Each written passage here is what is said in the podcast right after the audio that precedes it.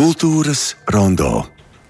Es, protams, šajā brīdī varētu sākt ar satversmi, kur ir simtais pants. Ikvienam ir tiesības uz vārda brīvību, kas ietver tiesības brīvi iegūt, paturēt un izplatīt informāciju, paust savus uzskatus. Cenzūra ir aizliegta. Un 99. pāns. Ikvienam ir tiesības uz domas apziņas un reliģiskās pārliecības brīvību. Baznīca ir atdalīta no valsts. Satversmī droši vien ik pa laikam ir vērts gan palasīt, gan turēt pie rokas, bet droši vien, ka šajā nedēļā ir tik daudz runāts par mākslu, cenzūru, par um, to, ko var vai nevar atļauties vara, un uh, kur tad ir tās bailes vai, vai sabiedrības attieksme un izpratne. Pēc notikuma Daugavpils Marka Rotko mākslas centrā, kur no ekspozīcijas tika izņēmta igauņu mākslinieks Sandera Raudsepa eh, trīs darbi no izstādes nāvīga vēlme nonākt pēcnāvē. Es, protams, um, tad, kad tas viss uh, notika, es domāju, ka nu, tā pilnīgi dabiskā mm, lietu kārtība būtu aizbraukt uz Daugaupili un apskatīties. Plus vēl uh, uzzināt arī no Māra Čačkas, kur tad šobrīd tie izņemtie darbi atrodas. Bet, nu, tā kā to mēs nevarējām šajā nedēļā paspēt, tad šeit studijā ir um, gleznotājs un Mākslas akadēmijas rektors Kristaps Zariņš. Labdien! Den. Jūs bijāt Daugaupili un jūs redzējāt redzējāt, kā tas izskatījās. Es ceru, vēl tajā um, nu, pilnīgajā um, variantā. Sociāla antropologs Klaus Sedlnieks. Labdien! Uh, droši vien, ka arī jums šajā nedēļā ir kādas pārdomas par mums pašiem, par cilvēkiem un, un mākslas provokācijām. Uh, Un eh, šobrīd mēs arī gribam zināt, um, kā tad šie notikumi attīstījās un eh, kāds tad tam eh, visam būs tas gala iznākums. Um, un tādēļ mēs sazvanīsimies ar Daugavpils Marka Rotko centra vadītāju Māri Čačku. Labdien, Māri! Labdien!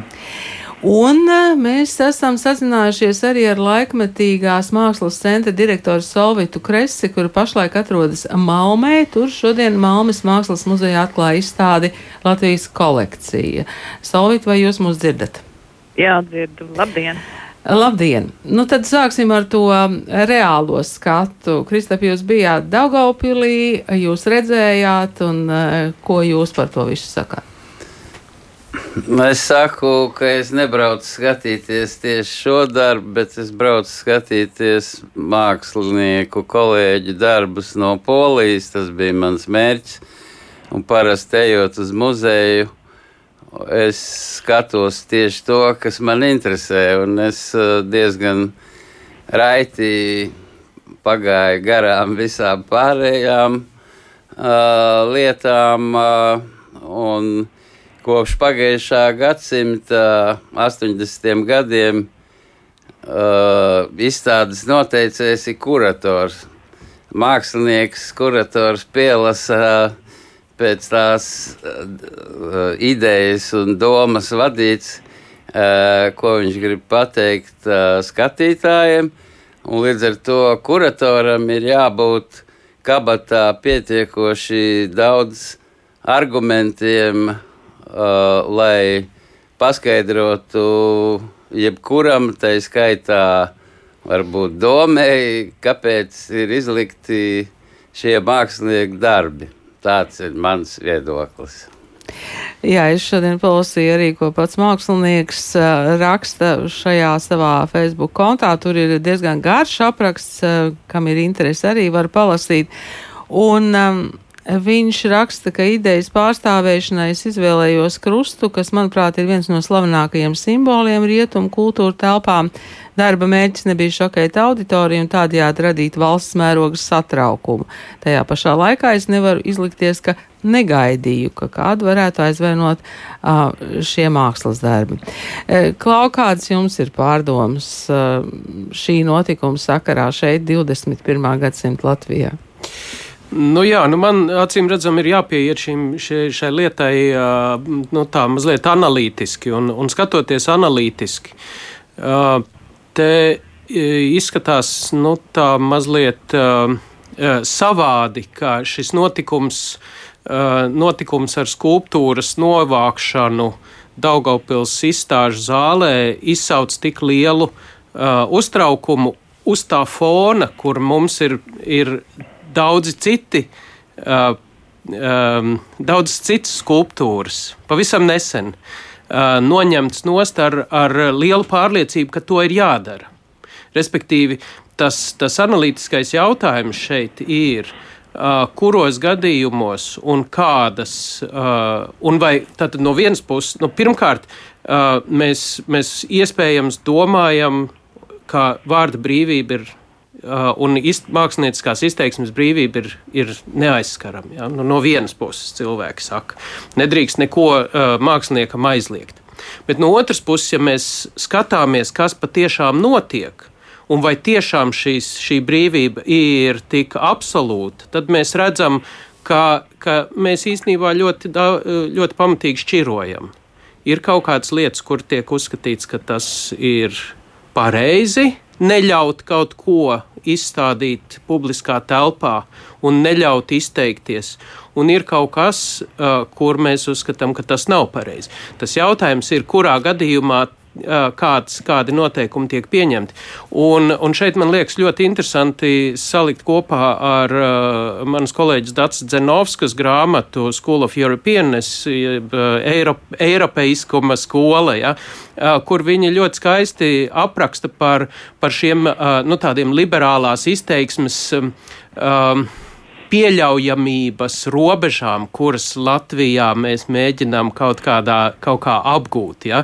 Jo viņi tur ļoti arī labi apraksta, ka arī Eiropā nav tā, ka viss ir nu, tā, viss atļauts vai viss ir ļoti atvērts kaut kādām, kaut kādām noteiktām lietām. Ja? Ir noteikts robežas, un tas, kas, kas pie mums notiek, ir, ka mēs tās robežas arī mēģinām pieslīpēt pie tās, pie tās pieļaujamības vai nepieļaujamības. Nu, cits starpā mēs arī paši savā starpā kaut kādas, kaut kādas diskusijas veicam, jo, jo ir skaidrs, ka, ka um, daudzi no tiem, kam, kas ļoti pamatīgi uh, bija sašutuši par šo notikumu Daugopilī, um, tajā pašā laikā tikpat sašutuši varētu būt par to, ka kāds cits mākslas darbs ir atļauts, lai viņš tiek uh, uzstādīts. Un es šeit domāju par, par dažādām, uh, dažādām lietām, nu, piemēram, Uh, gan no citas mākslas jomas. Ja, uh, nesen uh, Džona Neumajera uh, skandāls Kopenhāgenā, kur,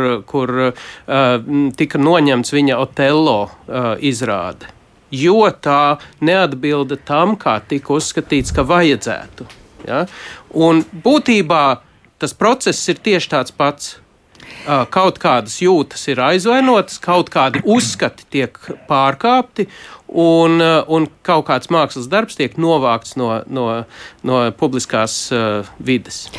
Jā, man tieši šajā situācijā interesē tās darbības, kas notiek tad, kad kādam kaut kas nepatīk, un ja tas kāds pārstāv varu, tad viņam acīm redzot ir lielākas tiesības nekā, ja man vai jums kaut kas nepatikt. Tāpēc um, tagad man ir jautājums Daugavpils Marka Rotko mākslas centra vadītājiem Mārim Čačkam. Uh, Māri, vai jūs varat tagad tā ļoti īsi mēģināt to notikumu um, chronoloģiju mums uh, pastāstīt, un varbūt, ka pa šīm dienām jau vēl kaut kas ir noticis? Um, nu, īsos vārdos sakot, chronoloģija ir tāda, ka 28.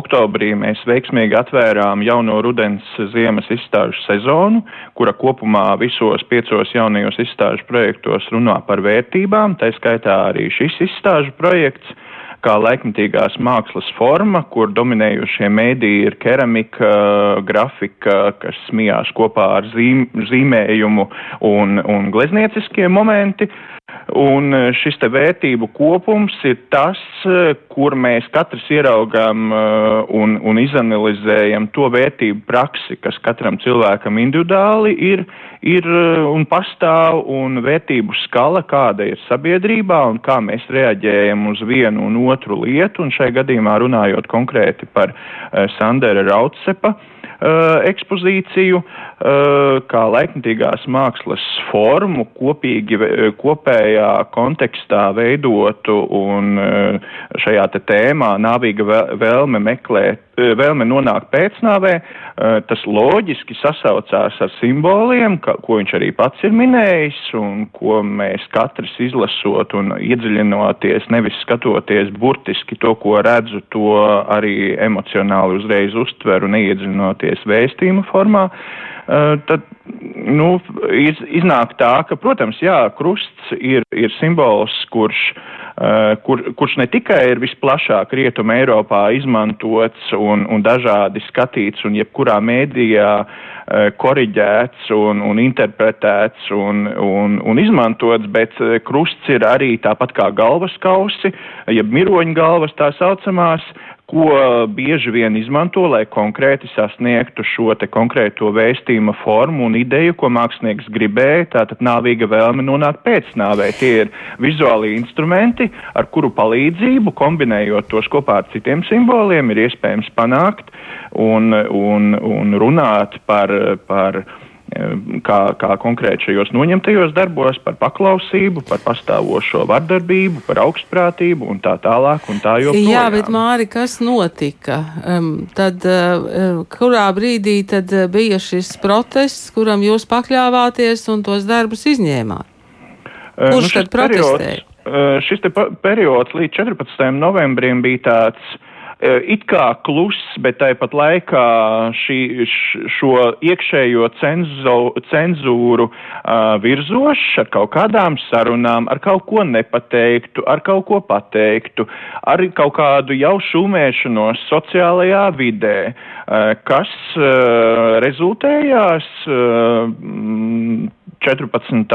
novembra sarunā eh, man ar domas priekšsēdētāju pirmo vietnieku un pēc tam ar tikšanos 15. novembrī Rotko centrā atnākot, eh, noliekot arī mani eh, nu, tādā mm, uz pauzes Eh, ar pamatojumu, ka nav runa tikai par Daugopils iedzīvotājiem, kas eh, laiku pa laikam arī iepriekšējas reizes ir izteikušies, un katram demokrātiskā valstī, es uzskatu, ir tiesības izteikties un protestēt vai izteikt savu viedokli, vai arī piezvanīt man personīgi, un es nevienam nekad neesmu atteicis sarunu, ja tā ir konstruktīva saruna, kur kāds vēlas kaut ko uzzināt vai noskaidrot vai padziļināt, izprast.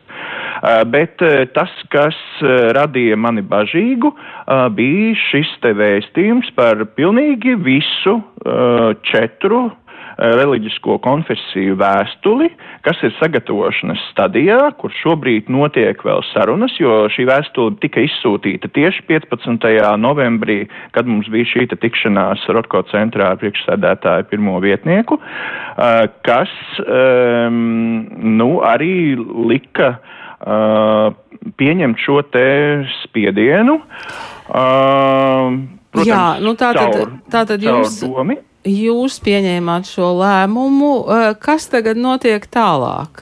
Jūs glabājat šos trīs darbus kaut kur ar domu, kā tos varētu atlikt atpakaļ ekspozīcijā? Mm, jo pats mākslinieks saka, ka nu, viņš tagad eh, ir ielicis fotografijas sociālos tīklos, kas nav nocenzēti, un tur apskata daudz vairāk cilvēku nekā jebkad var apskatīt izstāžu zālē. Kas notiek tālāk? Tas īsais jautājums. Jā, es tikai gribu precizēt, fiziski es noņēmu šos darbus, bet tas nenozīmē, ka es ar labāko sirdsapziņu un pilnīgu simtprocentīgu pār, pārliecību to darīju. Es to darīju kā pašvaldības iestādes vadītājs, kurš ir pakļauts pašvaldībai, kurai bija atnākuši šī te, uh, nu, diezgan smaga svara uh, vēstulē, nu, veikt konkrētas darbības. Un Jā, nu, tā, ir kaut kādas lietas, kas ir jāveic. Kas attiecas par darbiem, kur viņi ir tagad, viņi ir krātuvē viņi ir saglabātībā līdz brīdim, kad būs nu, izvērstas kādas jau uh, nopietnas, jeb konstruktīvas sarunas rezultātā, kad būs panākts kāds šis te viedoklis, vai šie darbi atgriezīsies ekspozīcijā tā kā viņi bija, jo Cita varianta faktiski nav izņemot vēl kaut kādu digitalizāciju, kas faktiski kropļo ekspozīcijas būtību un iejaucas gan mākslinieka mākslinieckā brīvībā un kuratora un scenogrāfijas veidotāja kompozīcijā. Jā, paldies, Māri. Paldies, tad es saprotu, ka jūs redzat, ka tas, ka tas risinājums varētu būt atgriezt ekspozīcijā tādā, tādā, nu, salikumā, kā tas ir bijis. Mēs jau pieminam šo kuratoru praksi laikmatīgās mākslas centra direktorai Solvitai Kresei, kur ir arī, piemēram, šī gada Latvijas ekspozīcijas Venecijā kuratore. Man ir jautājums, kā Solvit jūs šo procesu vērtējat no savām pieredzēm un, un no savu skatījumu?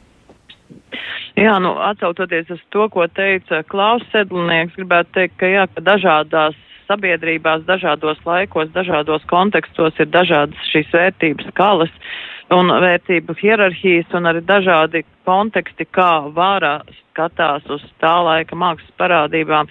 Bet tas, ko es tagad, nu, ne tikai kā kurators, bet arī kā, kā pilsonis redzu, nu, kad ir ļoti tāda trau, nu, trauksmaina situācija, īstenībā tad biedējoša situācija, jo ļoti īsā laikā atkārtojās tādi vairāki precedenti. Nu, mēs visi atceramies eh, Brektis skandālu, mēs atceramies arī kādus komentārus saņēma Skujas Bradena darbi, kuri izpelnījās ļoti plašu atzinību startautiski, bet uh, nacionālā līmenī tika kritizēti kā nu, neatbilstoši, lai reprezentētu Latviju.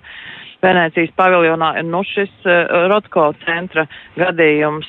Jo man liekas, skatoties, kas notiek patreiz pasaulē un kāda ir šī labējās ideoloģijas konservatīvi tāds totalitārais virziens, piemēram, Polija vai Ungārija ne jau šīs sabiedrības vienā rītā pamodās tādā sabiedrībā, kur tiek mainīti uh, institūciju, muzeju direktori uz ideoloģijai atbilstošiem cilvēkiem un kur cenzūra ir klātesoša gandrīz katru dienu. Tas nenotika vienā naktī, tas bija tāds ilgstošs process.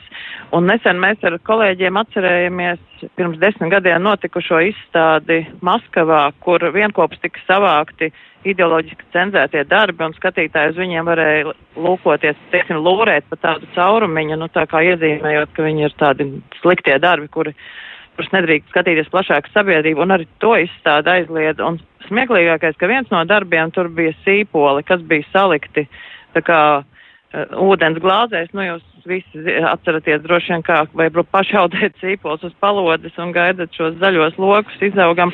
Un tie tika interpretēti kā kritika par pareizticīgo baznīcu, jo sīpols atgādina šo pareizticīgo kupolu. Man liekas, ka tas absurds, līdz kuram mēs varam aiziet, pieļaujot šādus gadījumus, ir nu, diezgan nu, es gribētu teikt, neparedzams, bet gandrīz drīzāk paredzams, jo arī vienā dienā mēs varam atrapties tādā sabiedrībā, kur ļoti daudzi mūsu soļi tiek cenzēti kaut kādas tādas eh, labēji konservatīvas ideoloģijas griezumā. Jā, bet eh, kā kuratoram, protams, ir, kuratoram ir ļoti liela atbildība un uzdevums skaidrot mākslu, kas tiek izstādīta, un arī mēs Latvijas Latvijā mākslas centra darbības ietvaros vienmēr ļoti lielu uzmanību pievēršam medēšanai, skaidrošanai, un lai sabiedrībai, kura varbūt nav iniciēta tur mākslas uh, kontekstos un vēsturē, lai būtu arī skaidrs, kāpēc mēs kaut ko izstādām un kādā kontekstā tas tiek izstādīts. Tā kā, nu, kuratoram ir liela nozīme sarunā ar sabiedrību. Jā, paldies Solvitai Kristē. Protams, ka šis gadījums joprojām aktualizē jautājumu par laikmatīgās mākslas muzeju kur Latvijā nav un tādā pārskatāmā nākotnē droši vien arī nebūs, kur faktiski visas šīs diskusijas varētu notikt. Nu, jā, tas tā viena puse, bet es vēl gribēju piebilst, ka, ka nav jau tā, ka tā cenzēšana nāk tikai no labai konservatīvās puses. No dažādām. Tās cenzēšanas, tas, ko es arī gribēju teikt, mēs dzīvojam tādā laikmetā, kurā, kurā visas puses uzskata par pareizu vienas vai otras informācijas kaut kādu noslāpēšanu. Uh, vai tā ir, uh, vai tā ir uh, nu, vārda brīvība, tīri tādā izteiksmes, ja, jo mēs jau redzam, tās, tas, tā, un tas iemesls vienmēr ir pozitīvs it kā. Tāpēc, ka mēs negribam, lai, lai mūsu vidē ienāktu kaut kas nepareizs, ko mēs neatbalstām. Vai nu, ir, vai nu tas ir ņirgāšanās par reliģiju, kā šajā gadījumā bija uzskats, ja? vai nu tā ir nepareiza ideoloģija no, no kaut kādas nepareizas valsts, ja? vai naidīgas, vai, vai, vai kaut kas tam līdzīgs, ja? vai kaut kāda tā kā bija tā, tie likumības grozījumi. Ja? Tieši jā, par literatūru. Bija, ja? bija, jā. uh, bet, bet nu, no tās otras puses arī tieši tas pats notiek. Ja, ka, kuras, kura ir kaut kādas tēmas, kuras noteikti, un ja mēs padomāsim un uzdosim visu sev jautājumu, mums jau visiem ir tādas tēmas, kuras mums ir pārāk svētas, lai mēs gribētu, lai, lai tās tiktu mākslinieciski šādi apstrādātas, ja, saliktas kopā ar kaut ko tādu, kas viņas nu, tā pamatīgi aizskar. Jā, nu, šajā brīdī es varu palasīt arī, ko raksta mūsu klausītāji. Mm, viens jautājums joprojām atkārtojas. Kas būtu, ja šis loceklis būtu eksponēts uz Dāvidas zvaigznes? Lolita Thompsona otrdien jau atbildēja, varat paklausīties arhīvā. Protams, ka ir um, stāsts, ka šī ir dieva zaimošana. Un vēl, protams, kas atversmē ir rakstīts par kristīgajām vērtībām, jā, arī par latviskajām. Nu, mēs visu to tagad kopā nesaliksim. Bet, Kristap, jums taču nākas akadēmijā pieredzēt, nu, droši vien, ka viss trakākos mākslas darbus. Jums arī nāks kaut ko cenzēt? Mākslas akadēmijā valda brīvība jau simts gadus. Un, bet atgriežoties pie Rotko centra, man iznākot no viņa, bija lielāks pārsteigums, ka es neredzēju nevienu Rotko oriģinālu darbu. Un tad, ja ārzemnieks, kurš iekāpa Air Baltikā un atver Outlook magazīnu, tur ir rakstīts, ka te tā kā Latvijā ir Rotko darba apskatām, Man liekas, tas ir daudz lielāks skandāls, par ko būtu jārunā. Jā, nu tad Māri, mums ir iespējams pajautāt, kāpēc šobrīd Marka Rotko centrā nav neviena Marka Rotko oriģināla. Nu, vispirms es nokomentēšu, ka Outlookā nav rakstīts, ka mums ir Rotko centrā pieejami šobrīd oriģināli, bet tur ir rakstīts, bija aicinājums un, un teikts, ka viņi drīz būs un nekonkretizējot laiku, un tas bija vasarā, kad bija šāda informācija. Šobrīd eh, ta, tas tā nav. Eh, oriģināli būs eh, svinot Rotko centra desmit gadu jubileju. Rotko centrs pastāv un gatavina arī laikmetīgās mākslas segmentā mūsu skatītājus jau desmit gadus, un 28. aprīlī būs oficiāla svinīga jauno citu Rotko oriģinālu izstādes atklāšana. Tā ir kara ietekme, kā rezultātā izbeidzoties iepriekšējiem trīs gadu deponējuma līgumam, mēs darbus atgriezām ģimenei. Un vasaras periods bija tas, kad ģimene domāja, vai viņi ir gatavi dot, vai viņi var uh, šos te visus riskus izvērtēt līdz galam, uh, uz Austrumu Eiropu dot šīs te arī materiālās vērtības priekš viņiem, ne tikai uh, kultūras mantojumu. Un uh, septembra mēnesī ģimene bija gatava jau dot uh, šos te oriģinālus, bet nav noslēpums, ka uh, rudens ziemas sezona viņa nav tik piepildīta. Un plānojot laikus, ka mums atkal darbi ir iespēj, darbus ir iespējams paņemt tikai uz trim gadiem, mēs izvēlējāmies to darīt un sasaistīt ar Māri, man jautājums, vai, vai jūs šobrīd gaidāt vēl kādu atbalstu vai atbalsta vēstuli? Mēs zinām, ka muzeja biedrība ir rakstījusi, un jūs tikāties arī kultūras ministru. Nu, varbūt vienkārši liekat tos darbus atpakaļ, un, un jums varbūt būs cilvēku pieplūdums. Um, es, es tā paredzu, ka tā arī būs. Man būs konstruktīva saruna gan ar kultūras pārvaldes vadību, gan ar pilsētas mēru pirmdien. Uh, un es ceru, ka tad mēs nonāksim pie kopīga viedokļa, kā šos darbus uh, attiecīgi uh, pareizi atgriezt atpakaļ ekspozīcijā, lai tie būtu pieejami. Protams, ka neno, neno, neapšaubāmi interese ir, un, un šis te skandāls, viņš arī ir izdarījis kaut kādu mārketinga darbu un ir interesi tie cilvēki, kuri uh, varbūt tās arī nezināja līdz šim Rotko centru vispār, viņi beidzot to ir uzzinājuši. Bet, nu, katrā ziņā tāds nebija mūsu mērķis. Bet, uh, bet, iznāca, kā, jā. bet, kā, bet kā mākslas darbam jebkuram mērķis ir piesaistīt uzmanību, viņš ir nostrādājis vislabākajā tā izpausmē. Jā, paldies Dagopils Mā, Marka Rotko mākslas centra vadītājam Mārim Čačkam. Mēs tagad varētu šo diskusiju droši vien, turpināt ļoti, ļoti dažādās toņkārtās. Arī par Kristiānu Brektes darbiem ir bijis ļoti daudz diskusiju. Ne tikai par murāli, bet arī, man liekas, ka pēc katras Kristiāna Brektes izstādes kādam šķiet, ka kaut kas tiek zaimots. nu, tā ir. Nu, mākslinieki ir dažādi. Vieni uh, vēlās izmantot, uh, teiksim, tā gatavus uh, simbolus, uh, ar kuriem uh, manipulēt, bet uh, tāpat kā mans viedoklis izskanēja, ka atbildīgs ir kurators, tāpat uh, Brektas gadījumā par to sienu skaidrs, ka atkal Uh, bija tā uh, biedrība, kas uh, saskaņoja šo darbu domē un tam līdzīgi. Tas ir redzams ārā teritorijā pirms vairāk pusgada. Tur ir skice, kas ir saskaņota un tam līdzīgi. Līdz ar to, manuprāt, Brektas atbildība, ja kādam kaut kas nepatīk, ir nekāda. Tā ir ja viņas nav, tā ir kuratora tā, kas saskaņoja, tad lai viņš arī mocās, jo mākslinieks, mākslinieks radīja to un viņu saskaņoja. Viņš neteica, nē, netaisi. Teica, taisi. Nu, bet, protams, to, ko es minēju arī televīzijā, jebkurš šāds gadījums bieži vien ir saistīts ar dažādu politisko spēku lēkāšanu, nu, kas ir labāks Uh, nu, kā mākslinieks. Nu, atcerēsimies vienu no skandāliem, uh, ka neļāva Francijā salonā izlikt manēju gleznu brokastu zaļumos, kas ir vispār nevainīga glezniņa. Kāpēc? Un kāpēc? Tāpēc, ka ir sieviete plika un vīrietis apģērbts. Nu, kaut kāds tāds mūsdienās pilnīgi nesaprotams iemesls.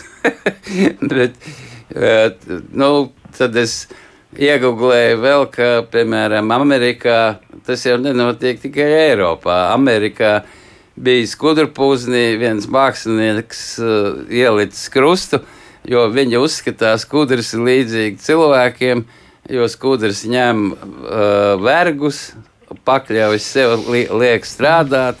Un skudrām tur ir darba skudras, tur ir gudrās skudras un mātes skudra un tam līdzīgi. Un, un tieši Amerikā es aizmirsu, kurā štatā uh, kristīgā draudzene panāca to, ka šo darbu izņem. Bet pagāja pusgads, un viņi izstādīja citā Amerikas muzejā, kur vispār visiem bija vienalga. Pilnīgi vienalga, šis princips. Nu, tā kā ir. Tā kā jūs teicāt, ka nu, pasaules ir dažādi konteksti uh, un tam līdzīgi, ko šos gadījumus var analizēt, man liekas, simts dažādos līmeņos. Var analizēt arī no tā viedokļa, piemēram, ka, ka tas igauņu mākslinieks dzīvo blakus Somijai. Un Somijā šie laikmetīgās mākslas izteiksmes jau ir, nu, mēs dzīvojām aiz sienas, bet Somi dzīvoja, kur jau pagājušā gadsimta, droši vien 80. gados, tur netik to vien viņi redzējuši. Nu. Jā, nu tie, tie līmeņi droši vien, ka būtu ļoti, ļoti dažādi. Man šķiet, ka bīstam ir kaut ko izraut no konteksta. Tāpat kā no. Tāpat kā no Venecijas skujas brādena šīs ekspozīcijas arī tika izrauts viens elements, un eh, pirms vēlēšanām parādīts uh, topošajiem deputātiem.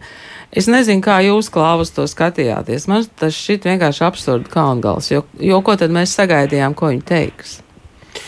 Nu, jā, bet no otras puses, protams, jau, jau gandrīz visi mākslas darbi, nu, tie konteksti ir, ir, ir dažādi. Ja. Viens, viens ir tas konteksts, kurā mākslinieks to rada, ja, un otrs ir tas konteksts, kurā tie skatītāji skatās. Un viss katrs atnāk ar savu bagāžu uz to, uz to skatīšanos.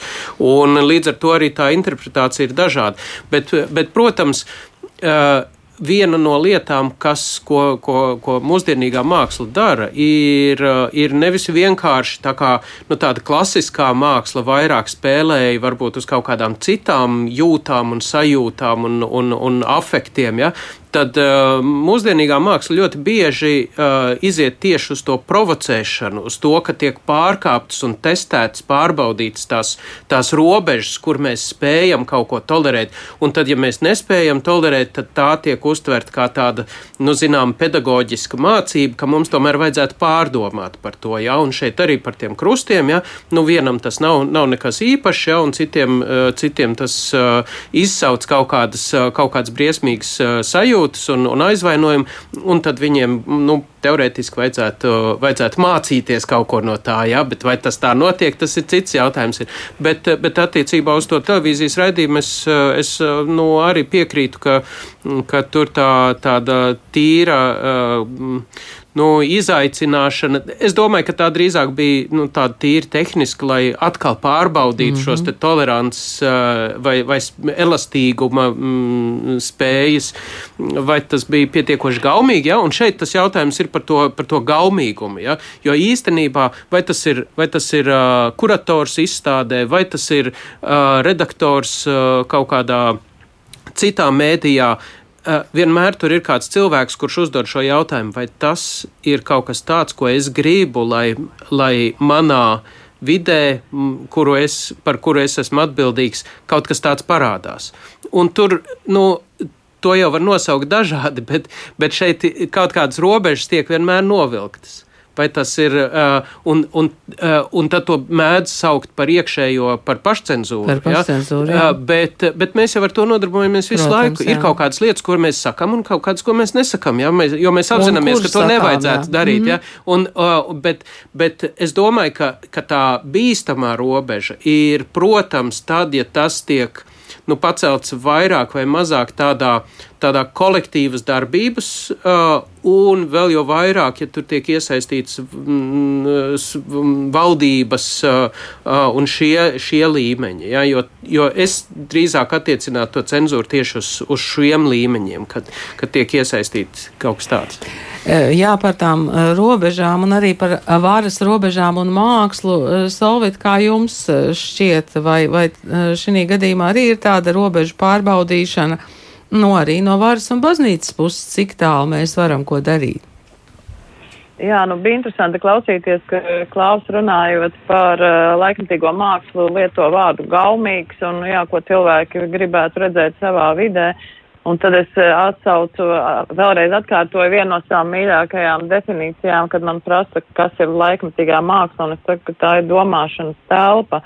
Un uh, laikdien mākslā ir visai maz sakars ar, ar skaistumu, ar estētiku, ar gaumu, bet tā tiešām ir domāšanas telpa, kurā skatītājs ir tiek piespiests, piespiests ar dažādiem līdzekļiem domāt, un provokācija ir viens no šiem instrumentiem, lai par to domātu. Un, uh, Un atsaucoties uz skojas bradenu šo lampu, kas bija iekārta virs visas ekspozīcijas, nu tas ir eh, komentārs par patriarchālās sabiedrības dominanci mūsdienās, un, protams, to var izraut no konteksta un skatīties kā kaut kādu tur, es nezinu, porno elementu. Bet atgriežoties arī uz Marka Rotko centra gadījumu, mēs varam teikt, ka reliģija un seksualitāte gandrīz vienmēr bijusi viens no tādiem triggeriem, no tādiem sarkaniem karodziņiem, kas īstenībā arī signalizē par tādu sabiedrības briedumu un šo toleranci, cik mēs varam tolerēt kaut lietas un arī izprast lietas. Un te man arī ir jā, jāsaka, ka man ir pārsteigums, kā sabiedrība, piemēram, uztvēra šos minētos mākslas darbus, kas tika izņemti no Rotko centra ekspozīcijas. Jo, nu, viens ir mākslinieks skaidrojums, bet, piemēram, es tur redzu neskaitāmus daudzus citus līmeņus, kā runāt par tām vērtībām, kas patreiz mums ir svarīgas un piesistas pie tā krusta. Un, nu, tur ir virkne, nu, tur var tulkot dažādi, bet tur ir virkne metaforu, asociāciju, ieslēdzās daudzi citi plāni skatoties uz šo darbu. Un te man gribas atkal minēt, ka tas, ka mums nav šī laikmatīgā mākslas muzeja un ka no skolas gadiem ja, bērni, jaunieši neiet uz šādu muzeju un neredz tos mākslas darbus, kuri darbojās šajā domāšanas telpas ietvarā vai kuri rada šo domāšanas telpu, vienkārši nav trenēti vispār skatīties uz mākslas darbiem kā kaut kādām tādām metaforām, konceptuāliem žestiem. Uh, asociatīviem vēstījumiem, viņa redz to, ko viņa redz krustu, un tad tur to locekli pie, piestiprināt, un viss, un tālāk vairs tā doma vienkārši neiet, jo viņa nav trenēta doma, viņa nezina, kas jādara tālāk, ieraugot šādu objektu. Uh, jā, paldies, Salvit. Mums ir vēl daudzi uh, klausītāju rakstīti jautājumi un arī argumenti. Uh, gan arī tādi, ka locekļus prot zīmēt jau skolēnu mācību grāmatās, un arī, ka um, īsti nesot raidījumu gaitā saprast, kas tad tur ir tajos mākslas darbos.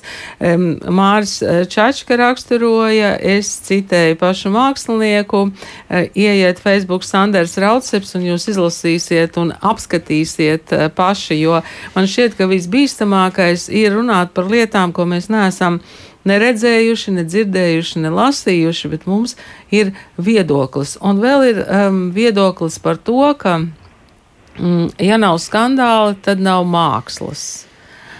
Um, ko jūs teikt, Krista? Nu, var jau vispārināt, ja nav skandāli, tad nav mīlestības un tam līdzīgi, bet uh, uh, izteikt savu viedokli zināmā mērā trenē sociālie tīkli.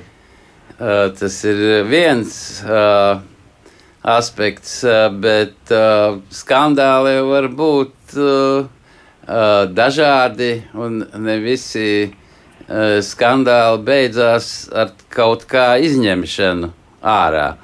Skandāls uh, var būt uh, jautrs, viņš var būt dzīvespriecīgs, Un uh, tie, tie, uh, tas rezultāts, manuprāt, ir atkarīgs no izglītības līmeņa, uh, no tolerances līmeņa un zināmā mērā arī no mantiskā līmeņa. Jo, piemēram, Skandināvijā skandāls būs savādāks nekā viņš, teiksim, būs Moldovā. Jeb uh, nu, kādā citā valstī. Katrai valstī skandālam ir citi mērķi. Jā, nu, protams, ka mēs varam šajā brīdī atcerēties arī Oslunda filmu kvadrāts un, uh, un par to, kā mēs, kā mēs katrs domājam, kā mēs skatāmies. Uh, man um, kaut kā tas konteksts saslēdzās pavisam dīvaini, jo es biju katoliskajā Kaunijā, kas ir Eiropas kultūras galvaspilsēta un Kauņa ļoti mierīgi bija atļausies atvest um, performanču klasiķis Marinas Abrāmovičs ļoti skandalozu performanču video. Protams, uh, tur bija uh, dažiem priekšā tādi aizskari, kur bija rakstīts, ka varbūt uh, nu, tas nav domāts uh, maziem bērniem. Mm, bet uh, tagad tur ir izstādīti arī Joko Ono darbi, un mēs zinām, ka Joko Ono um, šīs te mm, performances nu, arī nav tādas uh, varbūt mīļas, jaukas, un tur arī ir kaili ķermeņi un tā tālāk. Tā kā, mm, jā, par to šokēšanu es nezinu, ar ko vispār mūsdienās kaut ko var nošokēt, bet man jums katram ir jautājums par to nu, e, turpināšanos, vai, vai to iznākumu, vai to jēgu, kas tagad ir. E, Mārs e, Čačka teica, ka pirmdien viņš gaida zināmā mērā to, to lēmumu, ka tomēr liktu atpakaļ. Klau, ko jūs sakāt? Tas ir tāds diskusijas temats.